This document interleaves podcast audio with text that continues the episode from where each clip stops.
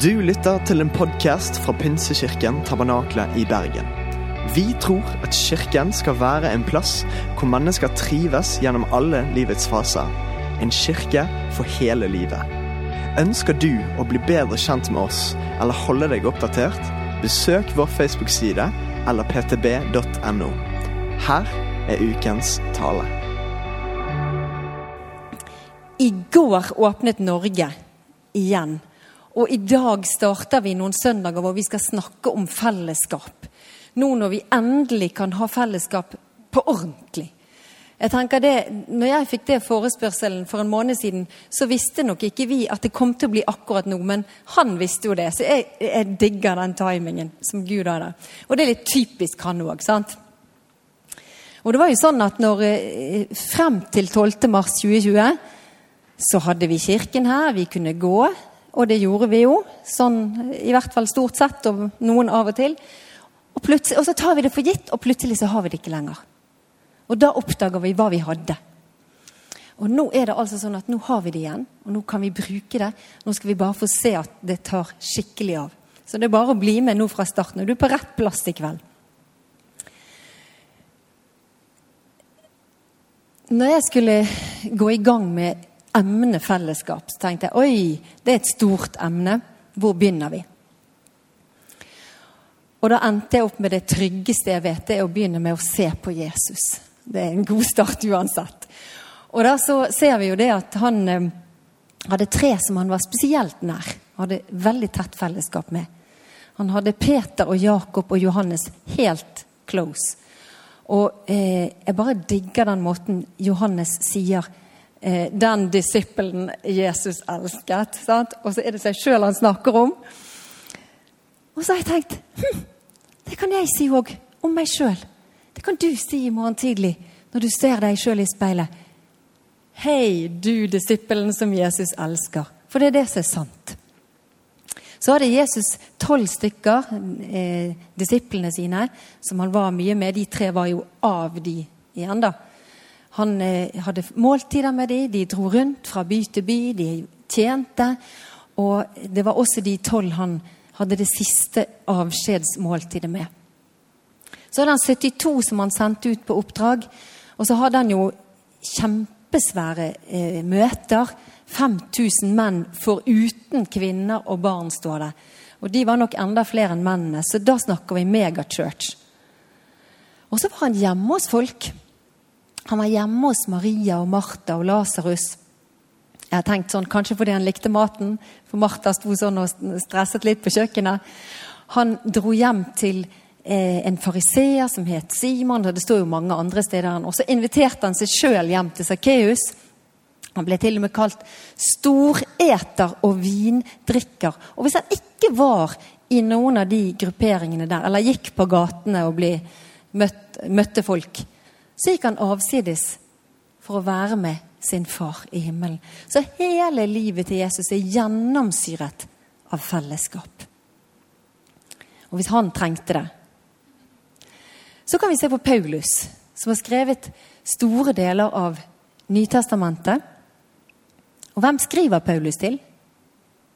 Til kristne fellesskap i Roma, i Korint, Galatia, Filippi, Tessaloniki Kanskje det heter ja. Og så skriver han til noen unge menn. Han skriver til Timoteus og Titus og Filemon. Mennesker, unge menn som han hadde fellesskap med. Så vi ser jo det at fellesskap er bibelsk. Vi er skapt til fellesskap. Du trenger fellesskapet, og fellesskapet trenger deg. Så kan vi kikke litt hvordan Paulus skriver til fellesskapene. Og det kan jo være litt heftig lesing, det. For eh, da kan vi finne en lang rekke med sånn eh, verb i imperativ, altså i bydeform. Her er et lite utvalg. Gjør, elsk, vær, gi, velsign, tilgi, husk på, pass på, hold sammen, gå, gjengjeld ikke, overvinn, ta imot, be, takk. Og listen bare fortsetter og fortsetter og fortsetter. Ok, du kan jo bli svett av mindre. Og så, da melder i hvert fall hos meg et spørsmål seg. Hvordan i all verden skal jeg klare dette? Og Det er det første jeg vil gå litt inn på. Det er hva må drivkraften være når du og jeg engasjerer oss i fellesskapet? For jeg kjenner mange, og jeg trenger ikke å gå lenger enn denne nesetippen her, som begynner bra. Begynner med et oppriktig hjerte, vil tjene Gud, elsker Jesus, vil bidra i Guds rike. Og så skjer det noe etter hvert som tiden går. Litt sånn umerkelig. En sånn glidende overgang. Litt skummelt, det òg. Så holder jeg på med de samme kristne aktivitetene, og på utsiden så ser det så besnærende likt ut et fruktbærende kristent liv. Men på innsiden så begynner det å tørke ut. Og så begynner jeg å streve og prøve å få det til i egen kraft. Så begynner jeg å ta meg sammen og skjerpe meg og stresse og slite. Så kan jeg til og med noen ganger prøve å få det til fordi jeg har så lyst til å imponere noen. Eller skaffe meg god samvittighet. Litt sånn selvrettferdig. Og så står jeg i fare for å ende opp som en mann som vi skal lese om nå. Det er fra en, en fortelling hvor vi kanskje oftest leser første delen om den fortapte sønnen. Det står i Lukas 15. Eh, Men i dag skal vi faktisk gå inn i siste delen, om hans sønnen som ikke dro langt av gårde. Skal vi lese om han? Imens var den eldste sønnen ute på markene. Da han gikk hjemover og nærmet seg gården, hørte han spill og dans. Han ropte på en av karene og spurte hva som var på ferde. Din bror er kommet hjem, svarte han, og din far har slaktet gjøkalven fordi han har fått ham tilbake i god behold. Da ble han sint og ville ikke gå inn. Faren kom ut og prøvde å overtale han, men han svarte faren. Her har jeg tjent deg i alle år. Alltid. Unnskyld. Aldri har jeg gjort imot ditt bud. Men meg har du ikke engang gitt et skje, så jeg kunne holde fest med vennene mine. Men straks denne sønnen din kommer hjem, han som har sløst bort pengene dine sammen med horer, da slakter du gjøkalven for han? Faren sa til han, barnet mitt, du er alltid hos meg. Alt mitt er ditt. Men nå må vi holde fest og være glade, for denne broren din var død og er blitt levende igjen. Han var kommet bort og er funnet igjen. Jeg vet ikke om du hørte at jeg levde meg litt ekstra inn i noe her. Og det er fordi jeg kjenner meg igjen. Been there, done that. Vi skal ikke ta noen håndsopprekkelser. Jeg har vært der. Blitt lei. Misunnelig, litt misfornøyd. Og utrolig litt sånn åh, Alt som har med kirken opp her fellesskapet som var ment så godt. Det er ikke der Gud vil at vi skal være, vet du. Og så er det jo rart med det, da. Vi begynner liksom der. vi havner ut i en grøft, og så har vi mennesker lett for å havne rett over i andre grøften. Og han eller hun her borte kan leve meg inn i det òg, altså, av erfaring. Det kaller jeg litt for sånn kirkeshopper som går litt etter innfallsmetoden. Ja, 'Skal jeg gidde å gå på i kirken i dag?' Eh, 'Det kommer noe bra på TV.' Nei. Jeg vet ikke. Nei. Jeg spiste så mye til middag. Jeg vet ikke hva som kan være grunnen til at vi går eller lar være. Og så er det jo ja, det er en klisjé, men, men, det forunderlige er at det er jo faktisk av og til litt i sånne klisjeer. Noen sier det. At det er når en kristen er på vei fra den ene grøften til den andre at han et lite øyeblikk er midt på veien. Og så sier Gud eh, Sånn. Det er menneskemåten å tenke på. Så sier han Mine tanker er ikke deres tanker. Deres veier er ikke mine veier, sier Herren. For som himmelen er høyt over jorden, slik er mine veier høyt over deres veier. og mine tanker høyt over deres tanker. Så det er liksom ikke mellom disse to grøftene. Det er en høyere vei Gud har for oss. Og den, den har jeg ja, Ikke spør meg hvorfor, men jeg har kalt den for en tredje vei. Den er annerledes. Det er den Gud vil at du og jeg skal vandre på. Altså Nå skulle jeg nesten, nå skulle jeg ønske jeg hadde greid å lage et sånt filmtriks. Av og til snurrer det litt film inn i hodet mitt. Hvor jeg bare plutselig var der oppe på en høy vei. Sant? Skjønner du? Og sto med beina plantet oppe i løse luften. For det at når, når Gud får komme og ta over, så er det overnaturlig. Da er det ikke bare jeg som får tingene til. Da er det han som får det til. Ser du at jeg går bortover på en høyere vei? Vi skal se. Eh, altså, nøkkelen for meg der er å komme dit hen at jeg sier Gud, dette får jeg ikke til sjøl. Du må komme og ta over. Og ehm, for eh, ja, Det er ikke helt et halvt hundre år siden, men det begynner å bli noen år siden. På slutten av 80-tallet. Da skjønner du. Da drev jeg og hørte på talekassetter. Altså tiden før CD-er. bare le. Det fantes en tid før det igjen. Og så var det en svensk dame der, en som het Linda Graf Berling, som jeg var spesielt glad i å høre på. Og så står jeg og forteller om det, og så husker jeg ingenting annet enn den lille historien jeg skal fortelle nå. På en kassett her så forteller hun at hun hadde det skikkelig vanskelig og skikkelig kjipt. Og så sier hun bare sånn Da roper jeg til Gud. Gud, jeg gir opp! Og da hører jeg Den helige ande sier. Äntligen! Der starter den tredje veien, vet du. Når vi gir opp. Vi gir opp i oss sjøl, men vi gir ikke opp i Gud.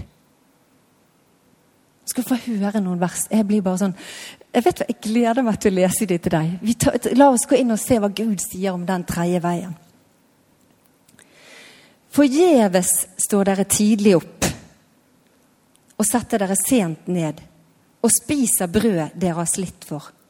Det samme gir han sine venner mens de sover.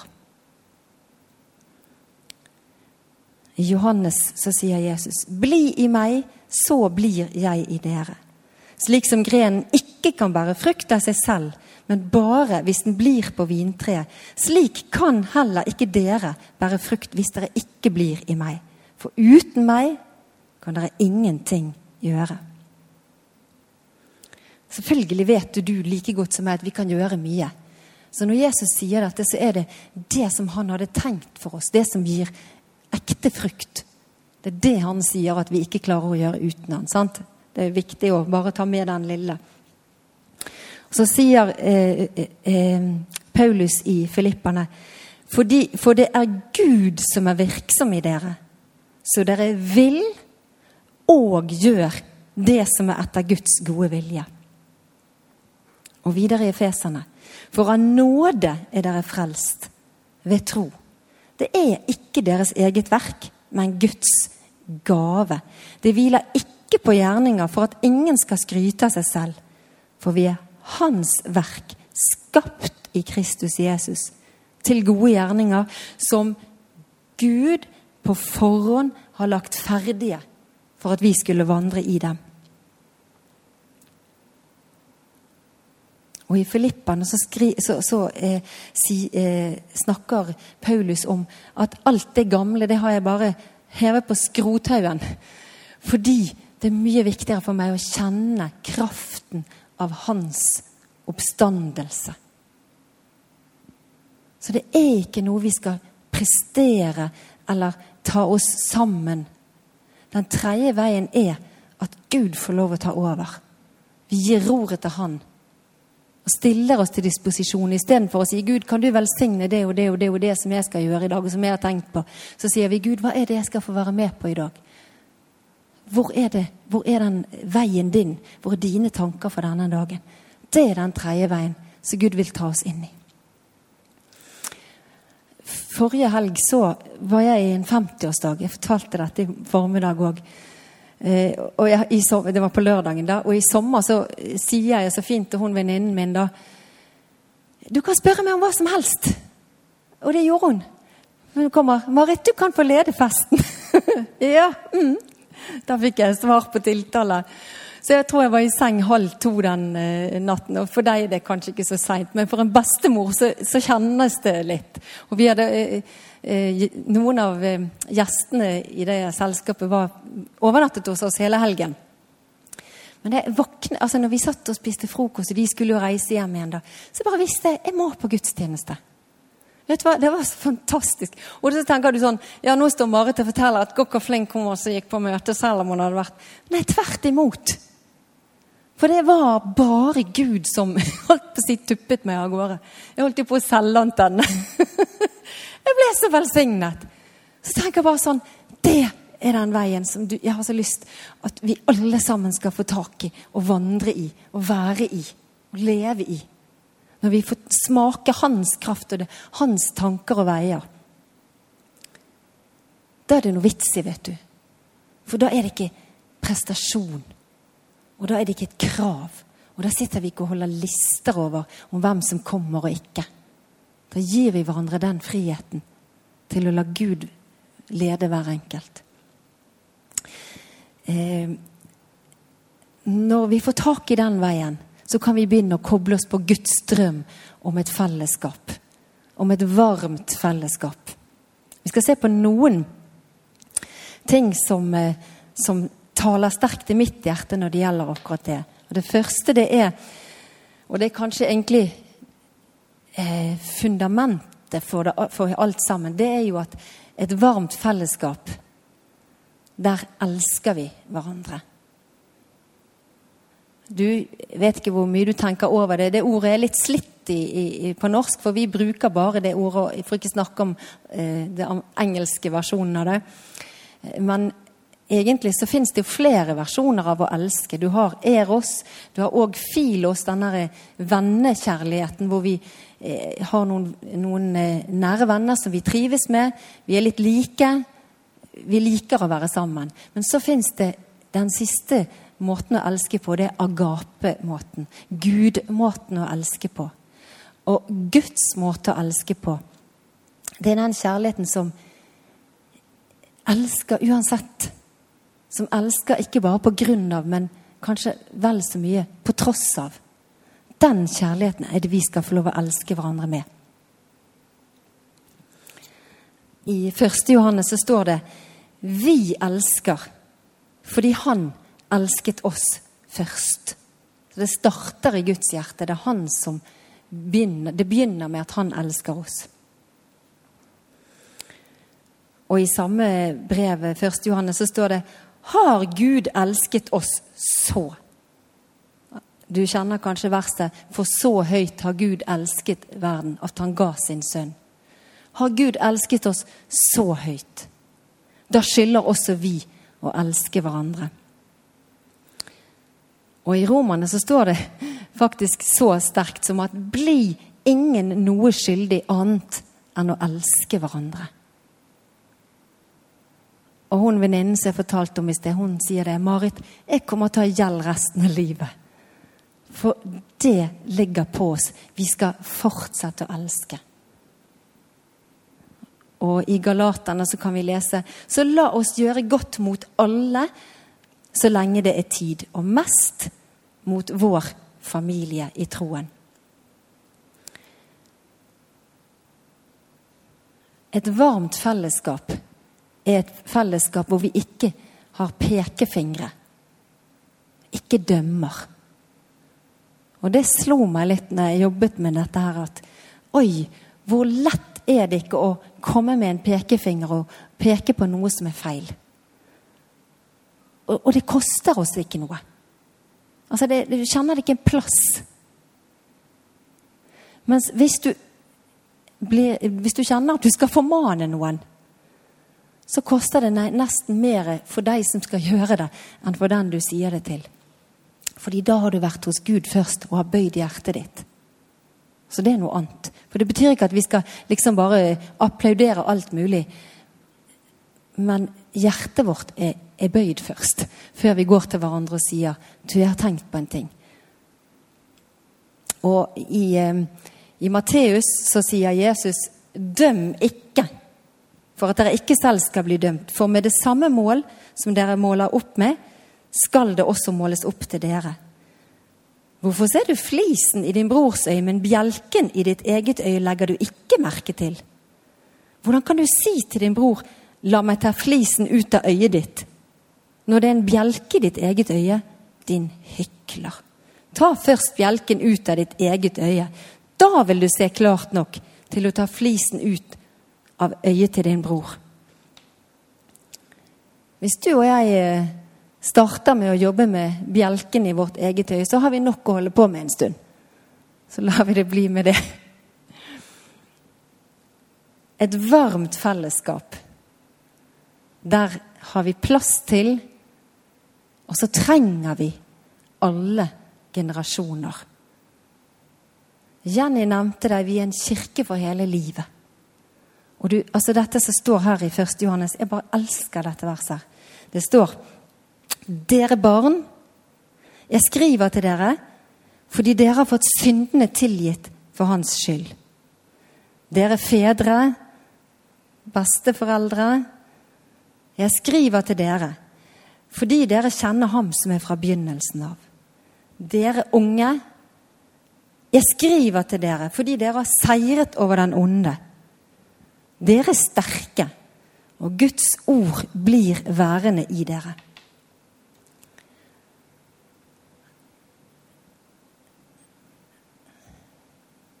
Vi trenger hverandre.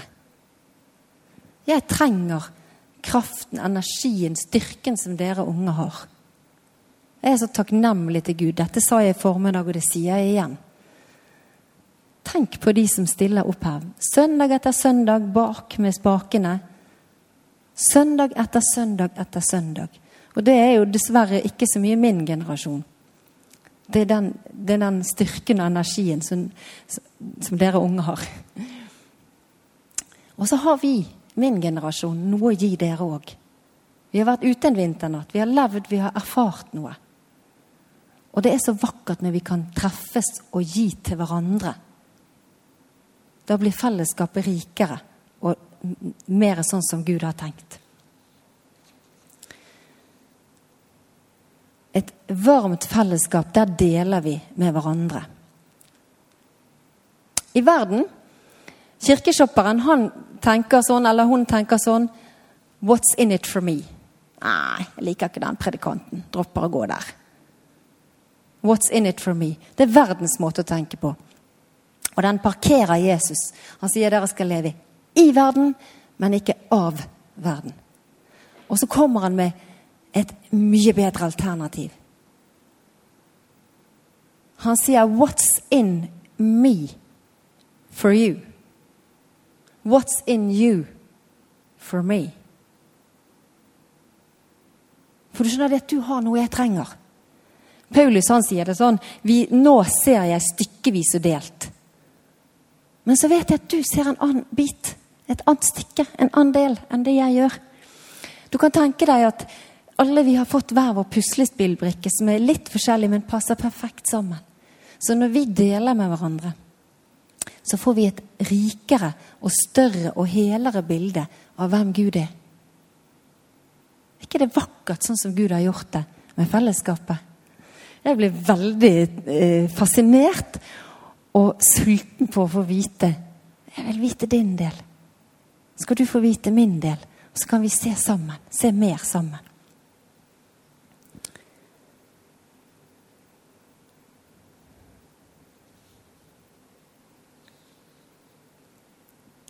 Et varmt fellesskap er oppmuntrende. Nå skulle jeg jo egentlig introdusert det punktet med å si at nå kommer et varmt fellesskap. Der konkurrerer vi, da.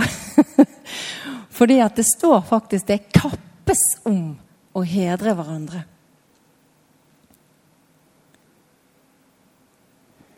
Og det står òg i hebreerne at la oss ikke holde oss borte når menigheten vår samles, som noen har for vane. La oss heller oppmuntre hverandre.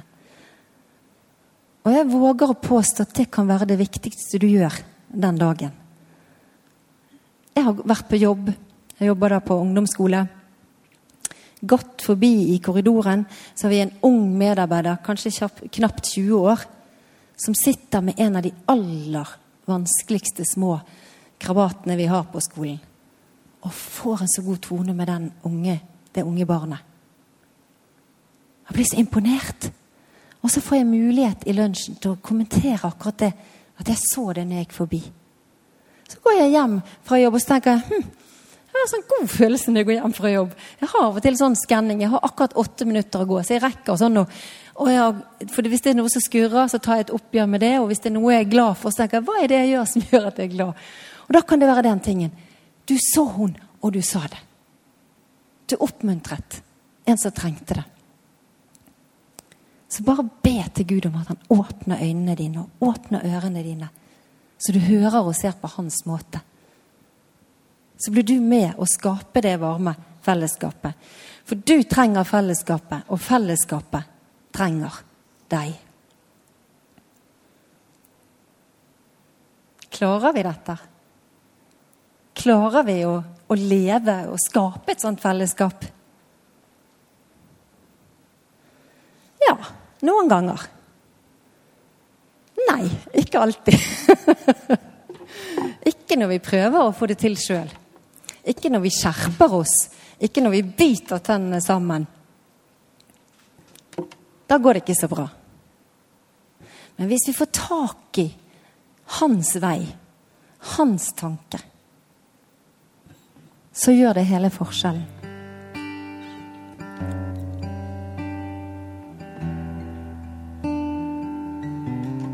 Og så I stedet for å tenke sånn 'Å, jeg må finne det fellesskapet, jeg må begynne å lete.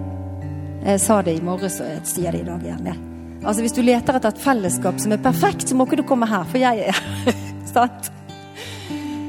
Men i stedet for å tenke at vi skal finne det, så snur vi på det og sier vi, jeg skal være det. Jeg skal leve det. Leve det varme fellesskapet. Og det er sånn at et sånt fellesskap, det er vanvittig attraktivt for de som ikke kjenner Jesus ennå. Det er akkurat som en honningkrukke, som en sånn trekkplaster som drar folk. Her vil vi være. Her er det godt å være. Så jeg tror ikke det er uten grunn at det siste, eller noe av det siste Jesus sa til disiplene, det var Dette er mitt bud til dere. Dere skal elske hverandre som jeg har elsket dere. Skal vi be sammen? Takk, Jesus, at vi kan få lov å være sammen. Først og fremst sammen med deg, og like mye først og fremst sammen med hverandre. Og ha fellesskap. Takk, Jesus, at du vil ha fellesskap med alle mennesker. Du gjør ikke forskjell på folk. Du går ikke forbi en eneste en og sier 'hun er ikke det så nøye med'. 'Å nei, ikke han'. Nei. Du er akkurat like ubegripelig, ufattelig glad i oss alle. Både når vi fortjener det, men også når vi ikke fortjener det. Og takk, Jesus, at du skal gi hver enkelt av oss alt det vi trenger til for å kunne være dette varme fellesskapet.